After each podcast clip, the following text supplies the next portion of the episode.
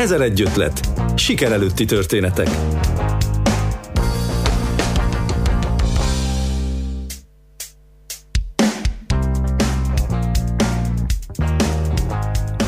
Szeretettel köszöntöm hallgatóinkat, Kristálybe vagyok. A társas tánc segít egy kiegyensúlyozott önkép kialakításában, az önbizalom erősítésében, személyközi kommunikáció fejlesztésében, és nem mellesleg remek kikapcsolódás is.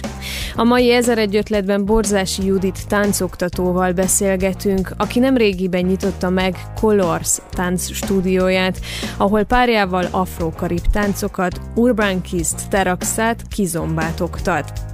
Juditnak már kiskorától szenvedélye a tánc, és felnőttként sem hagyott fel vele, még akkor sem, ha közben egy másik szakmát is kitanult. Több mint 20 különböző stílusú táncot oktathatna, de ő az afro-karib táncokat választotta, amelyekkel Ausztráliában ismerkedett meg. Ott kezdett el versenyezni is, latin táncokban az akkori párjával egészen a világbajnokságig jutottak. Borzási Judit hisz abban, hogy a tánc a szórakozás mellett terápiás hatással is bír. Többek között erről is beszélgettünk.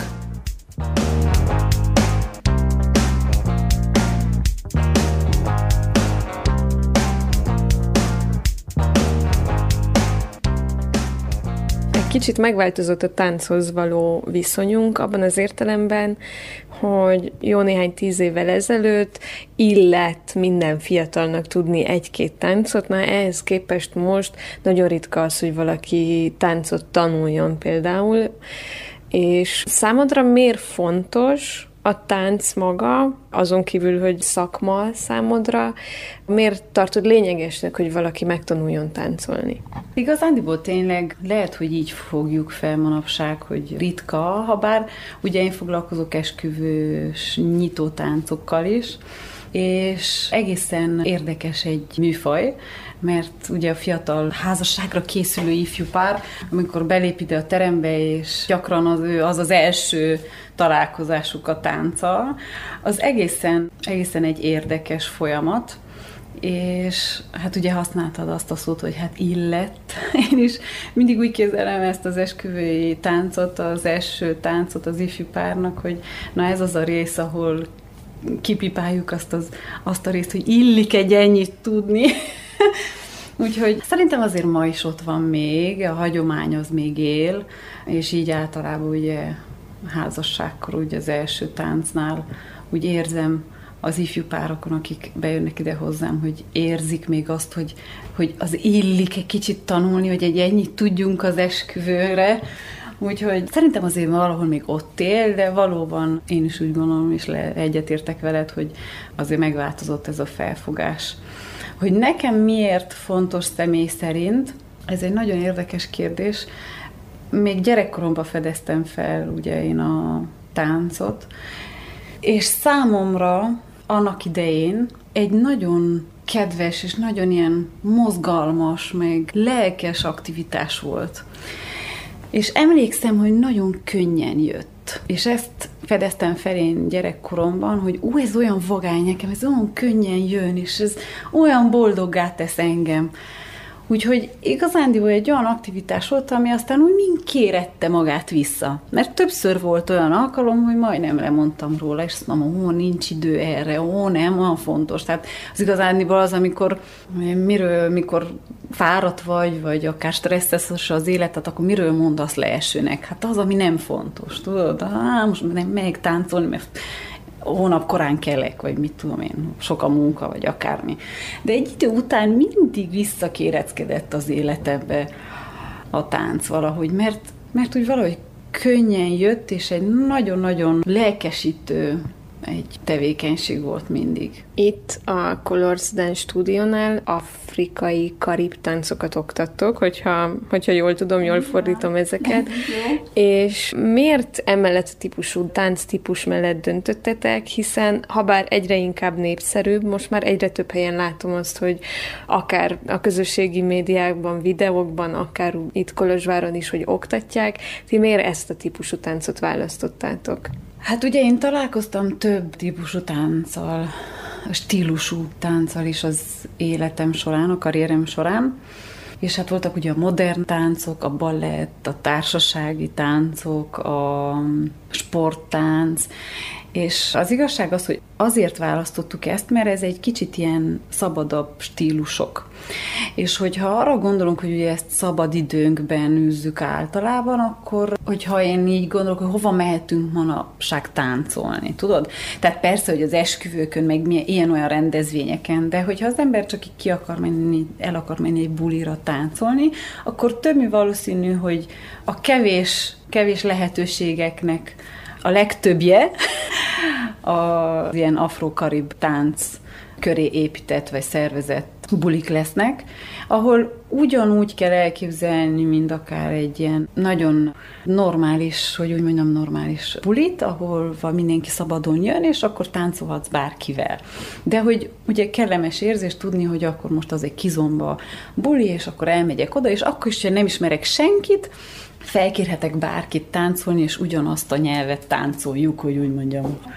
Úgyhogy ez egy, ez egy nagyon vagány dolog, és nem kell feltétlenül évek hosszáig űzni vagy évek hosszáig járni táncórákra, akár néhány hónap után is nagyon vagány lehet az, hogy már kialakul egy ilyen egy kisebb baráti kör, vagy ismerősi kör, és akkor együtt járunk ilyen bulikra, és ez ilyen nagyon vagány lehet, mert egy ilyen szocializálódó lehetőség is, mozgás benne van, meg maga úgy nagyon segít az élet boldogságához. Mi ezeknek a táncoknak a jellemzője? A Facebook oldalatokon olvastam ilyeneket, hogy például az Urban Kiznek jellemzője, hogy a zenei interpretáció maximális szabadságát ajánlja fel, vagy a Terraxa, ami a partnerrel való kapcsolatról szól. Persze mindenik tánctípusnak megvan a sajátossága, de hogy így, ha egészében tekintünk ezekre a táncokra, akkor mi a, a jellemzője? Az első jellemzője az az, hogy társas táncok, tehát párban táncoljuk általában, és ez azt jelenti, hogy a legfontosabb jellemzője ugye, hogy szabad tánc. Tehát ez azt jelenti, hogy ha most bárki engem felkérne táncolni, tudom azt, hogy ugye milyen stílust fogunk táncolni, mert általában ez zenétől függ, ugye, hallom, hogy milyen szám megy, és akkor ha valaki engem felkér táncolni, akkor teljesen szabad az azt jelenti, hogy én kell kövessem a vezetést tehát az, azokat az impulzusokat, amiket kapok, és akkor ebből lesz egy ilyen kommunikációs, kommunikáció az egész tánc, ami aztán ugye bizonyos szinteken működhet, lehet egy nagyon egyszerű tánc belőle, tehát alakulhat ki egy nagyon egyszerű tánc, vagy akár lehet egy nagyon komplex dolgot szabadon táncolni, de végig az, hogy én soha nem tudom, hogy mi a következő lépés. A párom viszont, aki vezet, ő pedig gyakran improvizál, ő neki megvan egy elképzelése arra, hogy hogyan szeretné interpretálni a zenét, zenét, meg hasonló. Na most persze ez nem kell úgy elképzelni, hogy akkor most a férfiak mindig vezetnek, a nők mindig követik a vezetést. Ez így amúgy nagyon helyén, helyén álló, ez így van a férfiak vezetnek, a nők meg követik a vezetést, viszont nagyon sok kis érdekes részlete van ennek a kommunikációnak, és van az a mondás, hogy két ember kell a tangóhoz, ez igaz itt is. Az a legfontosabb jellemző, hogy két ember kell hozzá, és ez egy kommunikáció, az egyik vezet, a másik követ, de aztán megfordul a kocka, tehát ugye két embernek a rezgéséből keletkezik egy, egy tánc, és ez egy nagyon fantasztikusan vagány dolog, dolog. Főleg az a pillanat, amikor ugye nem tudod, hogy mint követő, nem tudod, hogy mire számítsál, nem tudod soha, hogy mi a következő lépés, de hogy ugyanan magabiztossággal lépjél mindig, még akkor is, hogyha nem tudod, hogy hova kell lépjél éppen, és mikor ugyanarra gondoltok mind a ketten. Tudod, ez az a gondolat, hogy mind a ketten ugye pont ugyanazt a mozgást akarra gondoltatok, mind a következő lépés, ez fantasztikusan vagány dolog. Nézve ezeket a videókat, amikor készültem az interjúra, végigböngésztem egy csomó ilyen videót, a ti felvételeiteket is, de más táncosoknak a felvételeit is, és kívülről nézve egy nagyon intim táncnak tűnik, vagy intimebb kapcsolatnak tűnik a táncosok között,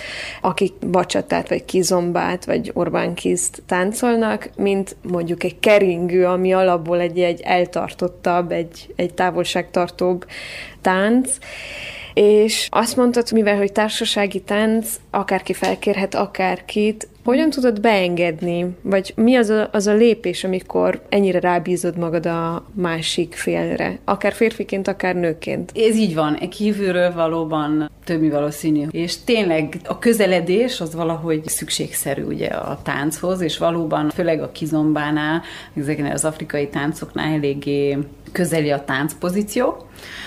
Az igazság az, hogy ezt egy idő után megszokod. Tehát úgy valahogy megszokod, hogy beenged abba a komfortzónába a másikat.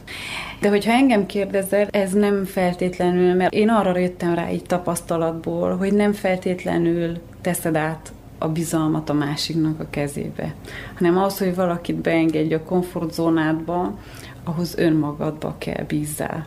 Tehát én mai napig is úgy vagyok vele, hogy hogyha valaki felkér táncolni, és ezt úgy valahogy mi is oktatjuk, hogy attól még lehet, tehát lehet igent vagy nemet mondani, de hogy a felkér valaki táncolni, én általában igent mondok, mert úgy oktatóként meg akarom abszolút mindenkinek adni az esélyt, hogy táncolhasson.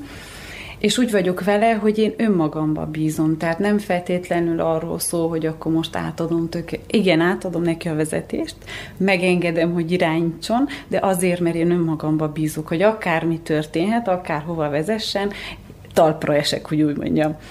Tehát ezt a közeli dolgot ezt az ember megszokja egy idő után. Amúgy a keringőt is elég közel, közel érdemes táncolni, hogy úgy mondjam, ahhoz, hogy, hogy egy vagány lendülete legyen a dolognak. De valóban az afrikai táncoknál ugye megvan az a, főleg így kívülről látva egy kicsit lehet, hogy úgy néz ki, mint hogy egy intimebb tánc. Lehet nagyon, nagyon intim is, de lehet nagyon távolságtartó is, hogyha épp olyan valakivel táncolt. Tehát azért ennek megvannak a... De a lényeg az, hogy önmagadba bízzál, és ezt egy idő után megszokja az ember. Tehát látom a diákjainkon is, akik ugye ide jönnek hozzánk kolorszhoz, hogy egy idő után lehet, hogy az elején még egy kicsit ilyen, mi is így kezdünk a kezdőkkel, hogy egy kicsit nagyobb táncpozíciót tartunk, a távolság egy kicsit nagyobb, és akkor egy idő után, ahogy így megszokják, és akkor egy idő után járnak hozzánk, így közeledünk, közeledünk, közeledünk, és akkor már látom őket az első bulin, hogy már senkinek semmi problémája nincs azzal, hogy ő bevegyen egy teljes idegent. Hát mondjuk lehet nem teljes idegen, de lehet, hogy éppen a a kolléga, ugye a tánckurzusról, de amúgy egy idő után már nincsen problémájuk ezzel, és ez, ezt, ezt nagyon vagány látni amúgy. De tényleg kívülről így belegondolva lehet. Így, hogy hallottalak, hogy mondod, hogy olyan intimnek tűnik, el is felejtettem, hogy ez így kívülről igen, így néz ki. Látod egyfajta önbizalomfejlődést is azokban az emberekben, akik hozzátok járnak táncolni, vagy pedig alapból kell legyen az emberekben egyfajta magabiztosság, hogy ezt a típusú táncot válasszák? Hogy az első kérdésedre válaszoljak, arra kategórikusan igen a válaszom. Tehát annyi, annyi sok diákomon láttam az önbizalom fejlődését, és ugye van nekem egy kis ilyen mellékprojektem is, a Judy B. Dance Therapy, amit igazándiból azért is indítottam, mert láttam azt, hogy nagyon-nagyon sokat segít az emberek önbizalmán, és amúgy a társas lényegünknek a fejlesztésén, hogy táncolni jár az ember, és az már önmaga az, hogy beengedje valakit a komfortzónádba, vagy egyáltalán egy férfinak az, hogy megtanuljál vezetni egy nőt, vagy egyáltalán tudjál neki adni bizonyos irányokat, ha megtanuld ezt a nonverbális kommunikációs készséget, illetve ugye nekünk is, mint nőknek egyáltalán átadni magunkat annak, a, annak az állapotnak, hogy akkor most oké, okay, elfogadom azt, hogy vezessél, és én megpróbálom minden egyes pillanatát annak a táncnak szebbé varázsolni. Ez egy rendkívüli lehetőség az önfejlődésre és az önismeretre. Ez egy fantasztikus, és többször is végignéztem, és mai napig is tartok magánórákat, ahol, ahol kimondottan nem csak arról szól, hogy ugye megtanulunk egy bizonyos lépés sorozatot, vagy mozgás sorozatot, ami amúgy konkrétan legtöbbször ez történik, de azáltal a mozgás sorozat, vagy lépés sorozat által megtanulunk nagyon sok más dolgot, és megtanítom a fiúkat, hogy vezessenek, vagy a lányokat, hogy, hogy mozogjanak kecsesebben, vagy hogy, hogy merjenek egyáltalán kibontakozni. A másik, ami számomra nagyon érdekes tapasztalás volt, hogy mint hogyha sokkal egészségesebb lenne ezeknek a táncosoknak a testképükhöz való viszonyuk. Mm-hmm. Az, hogy hogyan használják a testüket, az, hogy hogyan néznek ki egyáltalán a színpadon, és hogy látod, hogyan tudja az egészséges testképnek a kialakítását támogatni a tánc? Már abból kiindulva, hogy a stúdióban tükör van, ugye? Nagyon sokan talán nem gyakoroljuk azt eleget, vagy nem aktívan gyakoroljuk azt, hogy akkor szembenézzünk önmagunkkal, vagy felvegyük videóra, és akkor utána visszanézzük. Sokszor tapasztaltam amúgy ezt a magánóráim és a így az oktatás során, hogy, hogy ha levideózunk és visszanézem együtt a diákommal a, a a produkciókat, hogy úgy mondjam, akkor a, a táncot, akkor gyakran az a reakció, hogy nem ugyanaz, amit éreztek, és nem ugyanaz, amit látnak, visszalátnak. Most, hogyha ezt szerintem folyamatosan, egyre gyakrabban, ezt a feladatot egyre gyakrabban űzzük, hogy nézzük magunkat a tükörbe, vagy visszanézzük a videót, akkor ez egy idő után ugye az egészséges testképnek, vagyis kialakul egy olyan realitás, hogy oké, okay, akkor ez vagyok én, és látod magad kívülről is. Gyakran tudnak, hogy gyakran a reakciója, főleg az elején a reakciója a diákjaimnak, és az, hogy jaj, jaj, nem akarom magamat látni. Én meg ma annyira meg vagyok szokva vele, bár én is emlékszem, hogy legtöbbször, mikor visszanéztem magam, akkor mindig a kritika jött elő gyakran. Ez megint szerintem egy ilyen kulturális neveltetésből származó dolog.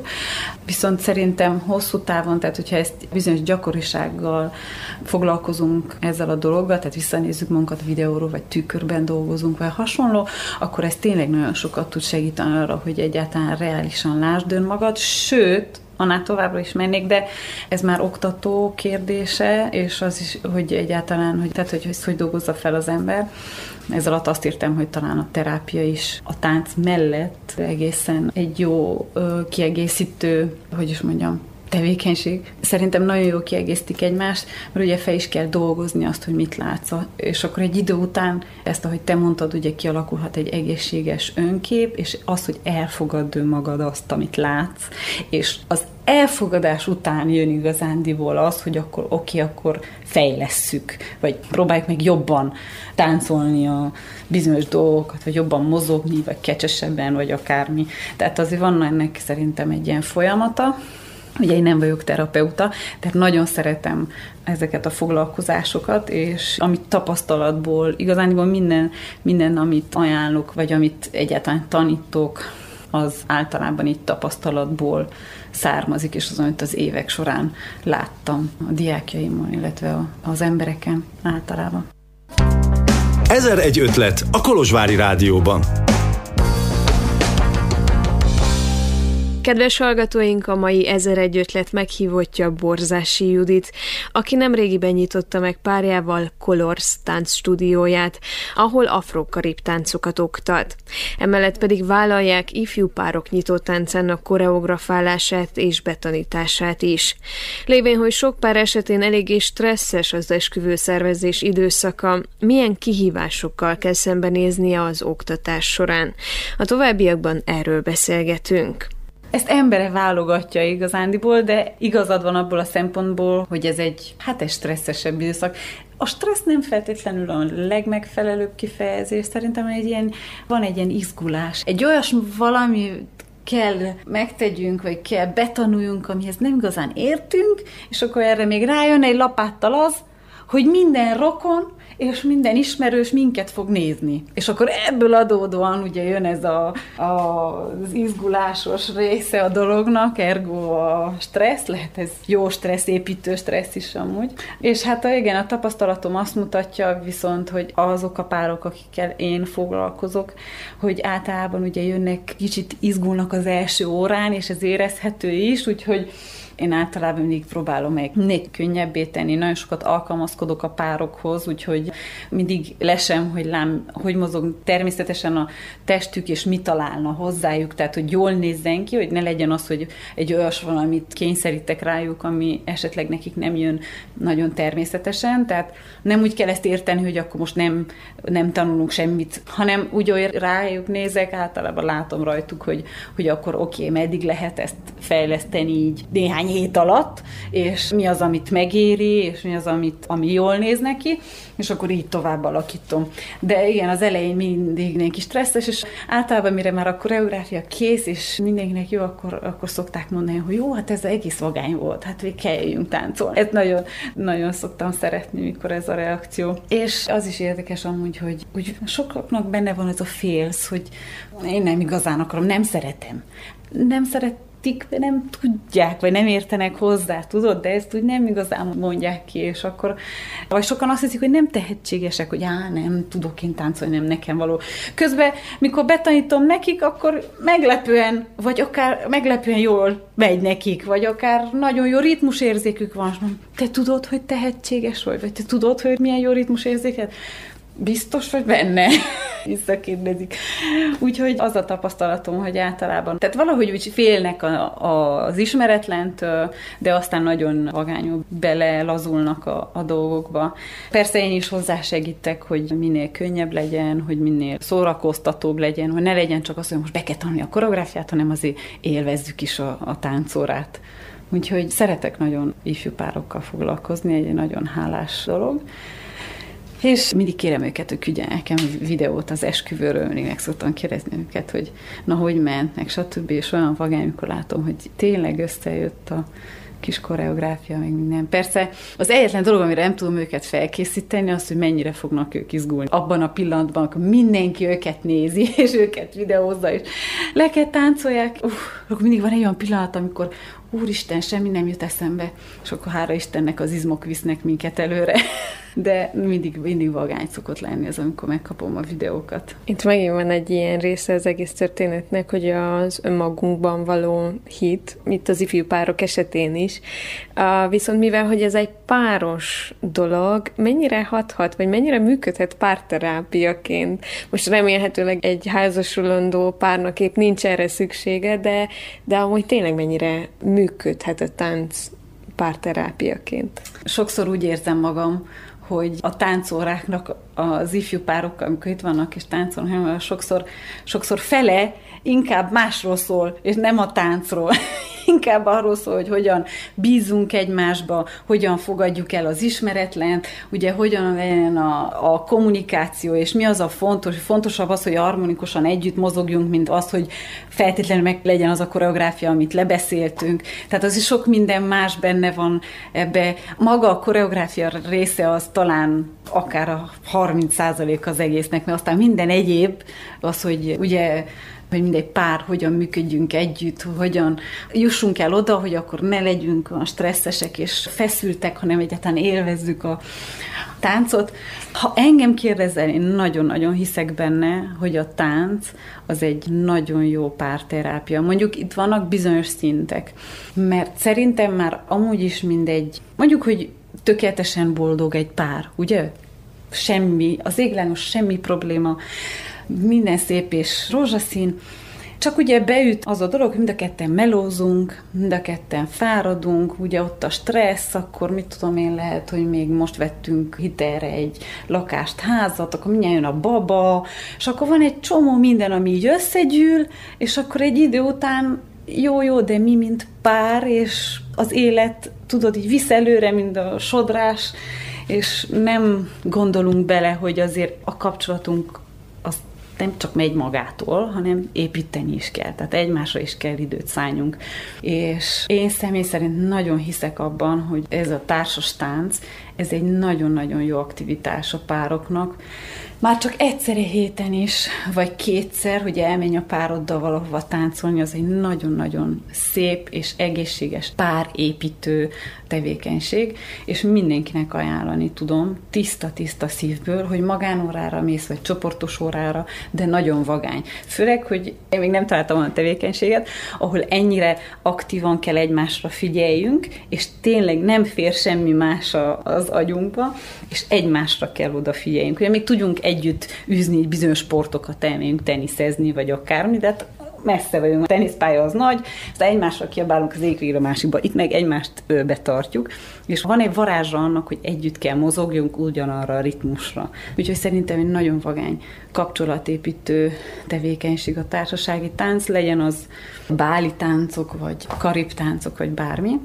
Most ennek vannak ugye más szintjei is. Van egy nagyon kedves barátnőm, Mészáros Andrea, aki párterapeuta, és ő vele szoktuk ezt a témát átbeszélni gyakran, és ő is mindig szokta mondani, hogy szerinte is a tánc egy nagyon vagány kapcsolatépítő dolog, viszont mindig, mindig emlékeztet rá, hogy ez most pár válogatja, tehát hogy amikor már konkrét problémával küzd egy pár, akkor már ugye ki kell egészíteni azt a, akár magánórát, vagy azt a, azt a tevékenységet, vagy a társasági táncot ki kell egészíteni terápiával. Tehát maga a tánc, ez egy vagány kapcsolatépítő tevékenység, de hogyha már terápiás kezelésről beszélünk, akkor tömő azt terapeuta segítsége is kell, vagy egy kiegészítő dolog, hogy elemezni bizonyos dolgokat, illetve hogy a terapeuta elvégezze a saját munkáját. Nagyon sok esetben itt, hogy beszélünk erről, hogy párok esetén hogyan működik a tánc, ugye az önbizalmat említettük, a másikban való bizalmat,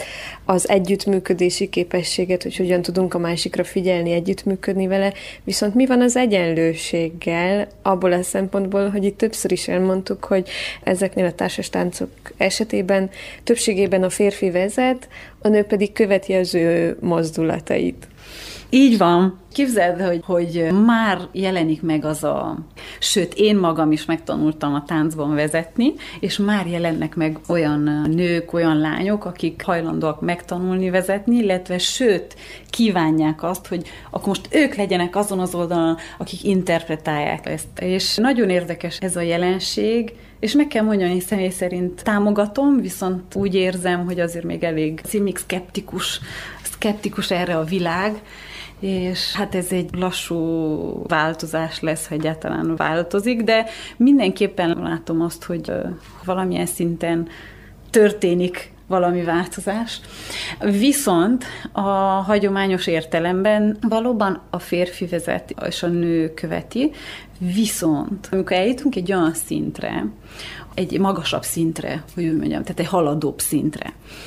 Tehát mondjuk, mikor kezdünk, akkor tényleg nagyon a férfi vezet, mondjuk így ilyen 90 százalékban, és akkor a nő követi, és az a maradék 10 százalék az, mint, az autó, amikor megy üresbe, tudod, akkor megyünk üresbe. Zenére, de ez egy idő után, hogy haladunk, tehát hogy haladóbbá válunk és fejlődünk, ez így mind csökken, és nagyon közeledik, amikor már egy idő után nagyon közel lesz az 50-50-hez. De ezt úgy értem, hogy a férfi gyakran, tehát a vezetésen azt kell érteni, hogy van egy ötlete, amit inkább így, mint, amit felajánl, hogy na most én felajánlom, hogy te felemeld a karod, vagy a kezed. Ugye? És akkor, hogyha én úgy döntök, hogy oké, okay, ez tényleg nagyon jól megy per pillanat, és tetszik, akkor én azt felelem. De lehet, hogy még ráteszek egy lapáttal, és csinálok valami egyebet, amit ugyanígy a párom, mint férfi átvesz, és azt mondja, hú, bevagány volt ez, nézd, milyen jól jön ez a következő mozgás belőle, és akkor olyan lesz, mint egy, mint egy nem is tudom, hogy mondja neked, mint egy Lego, amit így, így a darabokat egymás után tesszük, mikor én egyet, mikor te egyet, és akkor így megy tovább. És akkor ebből egy nagyon vagány lesz, tudod? Tehát gyakran például, amikor a saját párommal is táncolok, akkor, akkor gyakran nem feltétlenül úgy érzem, hogy akkor most ő megmondja, hogy mit csináljak, én meg csinálom. Ez nem feltétlenül így működik, hanem jön az ötletekkel, és felajánlja, és akkor időnként, és amúgy is én azoknak az ötleteknek a keretében megvan az önállóságom, tehát megvan arra az önállóságom, és arra, hogy én azokat úgy kövessem le, ahogy nekem tetszik, vagy egyáltalán bizonyos helyzetekbe hozzátegyek valamit, és, és akkor ő azt, arra azt mondja, hogy ú, ez vagány volt, és akkor hirtelen improvizál, és más nem tudom, hogy viszi tovább. De a lényeg az, hogy szükségünk van arra, hogy tudjuk, hogy az egyik vezet, és a másik követ. Mert hogyha vannak ugye olyan pillanatok, amikor mind a ketten mondjuk hirtelen van egy ilyen pillanat, hogy ú, akkor most nem tudjuk egyikünk se, hogy mi legyen, és akkor improvizálunk, de valakinek meg kell adni a hangot. És akkor, akkor jó tudni azért, hogy, hogy ki az, aki vezet, és ki az, aki követ, hogy azokban a pillanatokban, amikor egyikünk sem biztos abban, hogy akkor most mi legyen tovább, akkor tudom, és mindig szoktam várni, hogy oké, okay, akkor te vagy az, aki ülsz a volánnál, és akkor mutasd, hogy merre menjünk, és akkor én arra megyek tovább. Tehát azért megvan benne az önállóság, nagyon jelen van, sőt lehet ebből egy nagyon ilyen kis pingpongos kommunikáció a táncban, nem kell feltétlenül ilyen nagyon egy oldalú vezetés legyen, de persze, hogy ez így könnyebb, mikor az ember az elején van. De egy idő után nagyon vagányú ki tud alakulni ez az egész együttműködés, úgy mondjam. Csak ezt ki kell várni, tudod, mert ez, ez egy fejlődéssel jön. És az önbizalom fejlődésével, ez egy együttműködés, és stb. stb. A férfiaknál is látom gyakran, hogy az elején olyan, én vezetek, jó. és akkor egy idő után, ahogy érzik, hogy jobban értenek hozzá, sőt, sokkal több az önbizalmuk, és tudják, hogy akármilyen szituációban improvizálni tudnak, akkor már inkább elengedik tudod, és hagyják a lányokat is megnyilvánulni. Tehát ezt szoktam látni, ezt a, a fejlődést a saját diákjainknál is. És ez nagyon vagány. Ismered a nemzetközi közösséget is, a nemzetközi porondot is.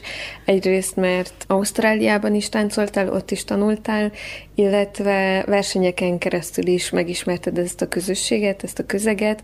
Mennyiben más a külföldön, vagy más régiókban a tánchoz való hozzáállás, vagy ehhez a stílushoz való hozzáállás. Most nyilván Afrikában, ahonnan az egész ered, ott valahogy természetesebb, de ez így hogyan működik régiókra leosztva? Valóban a közösségek azokon érződik egy kis, egy kis különbség, viszont hát valóban ugye, hogy afro-karib táncokról beszélünk, a latin táncokról, úgyhogy ebből azt kell lekövetkeztetni, vagy azt, azt mondanám, hogy, hogy ugye nagyon kultúra függő inkább.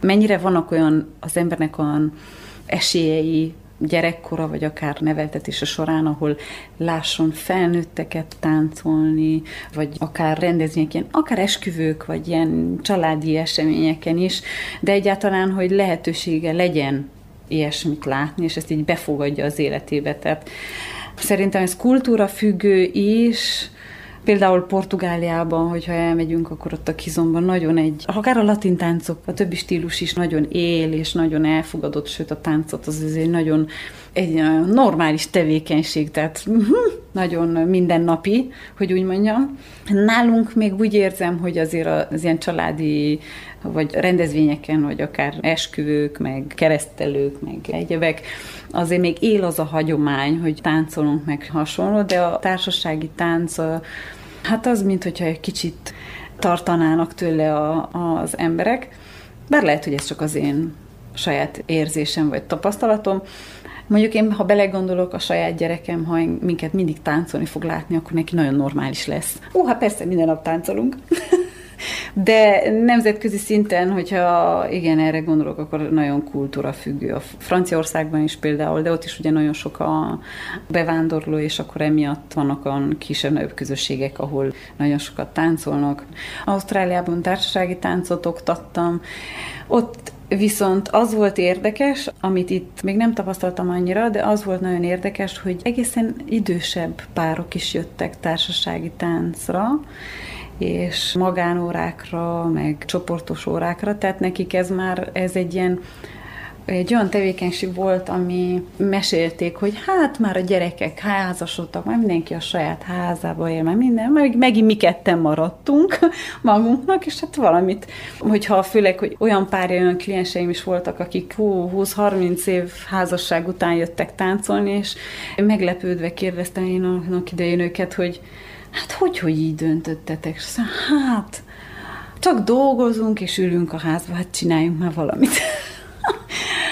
És akkor mondták, hogy nagyon szeretik, hogy ez ugye nagyon vagány tevékenység munka után és együtt, mert annyi év után felfedezni egy, ugye a pároddal valamilyen szinten kapcsolódjál, még tudjatok kommunikálni, hogy érezzitek egymás rezgését, tehát ez, ez olyan vagányul megfogalmazták nekem, és azóta így él bennem, hogy, hogy ugye ez egy ilyen nagyon vagány kapcsolatépítő tevékenység lehet. Ott, ott például ez volt az érdekes, hogy idősebb, idősebb korban is voltak, akik jöttek társasági táncol, és nagyon szerették, mert ugye nem azért, azért nem az a nehéz, tehát nem kell ugye elképzelni mind a sporttáncokat, amik aztán fú, rengeteg energiát és erőt igényelnek. Tehát a társasági táncnak is megvannak a szintjei, meg a formái, meg a stílusai, úgyhogy idősebb korban is akár egy nagyon-nagyon vagány tevékenység lehet.